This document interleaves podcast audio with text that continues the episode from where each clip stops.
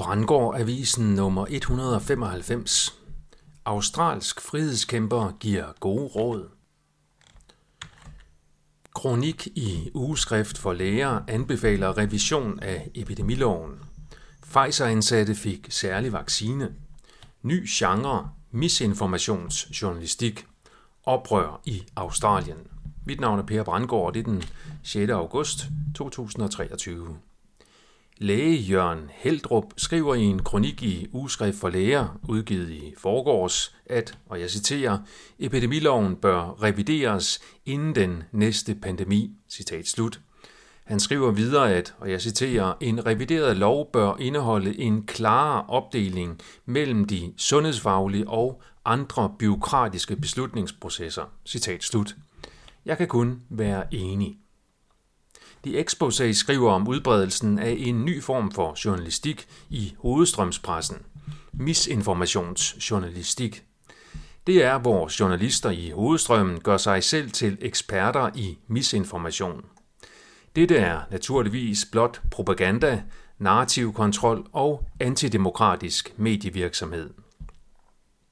Steigan har bragt et par artikler om situationen i Niger og Vestafrika, der går i retning af militær konfrontation med USA og Frankrig.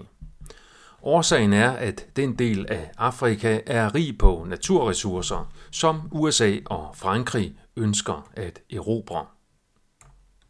Søren Pind taler i Berlingske for, at blasfemi igen skal gøres forbudt. Søren Pind identificerer sig selv som liberal, selvom han tydeligvis ikke er det. Han er snarere transliberal, ligesom resten af Danmarks Liberale Parti og Lars Løkke, der med Mette F. og Socialdemokraterne nu i regeringen arbejder på at forbyde afbrænding af Koranen med videre.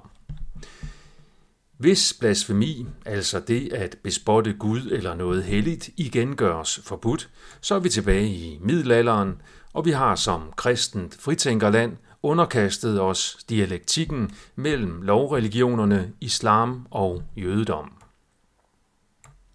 Det er kommet frem, at Pfizer-ansatte blev givet en speciel batch af vacciner. Det australske senat er oprørte over, at mindst halvdelen af befolkningen fik covid, efter landet indførte nogle af de mest drakoniske nedlukninger og tvangsvacciner i verden. Omfanget af bivirkninger, herunder pludselig død blandt unge ved vaccinerne, har også bragt politikernes sind i kog ved den igangværende høring i det australske senat. Repræsentanter fra Pfizer og Moderna har vist sig fuldstændigt ude af stand til at besvare kritiske spørgsmål. Steigan skriver om den australske frihedskæmper Monica Smith, der rejser rundt i Europa for at styrke eksisterende frihedsgrupper. Hun har tre gode råd til frihedskæmpere. Råd nummer 1. Gå over til at bruge kontanter og handel først og fremmest med dem, der har gode intentioner. Råd nummer 2. Vis, at vi kender deres planer og at vi er klar til at kæmpe for vores frihed. Og råd nummer 3. Vær bevidst om, at frihedsbevægelsen stadigvæk eksisterer og dyrk de forbindelser, vi har skabt.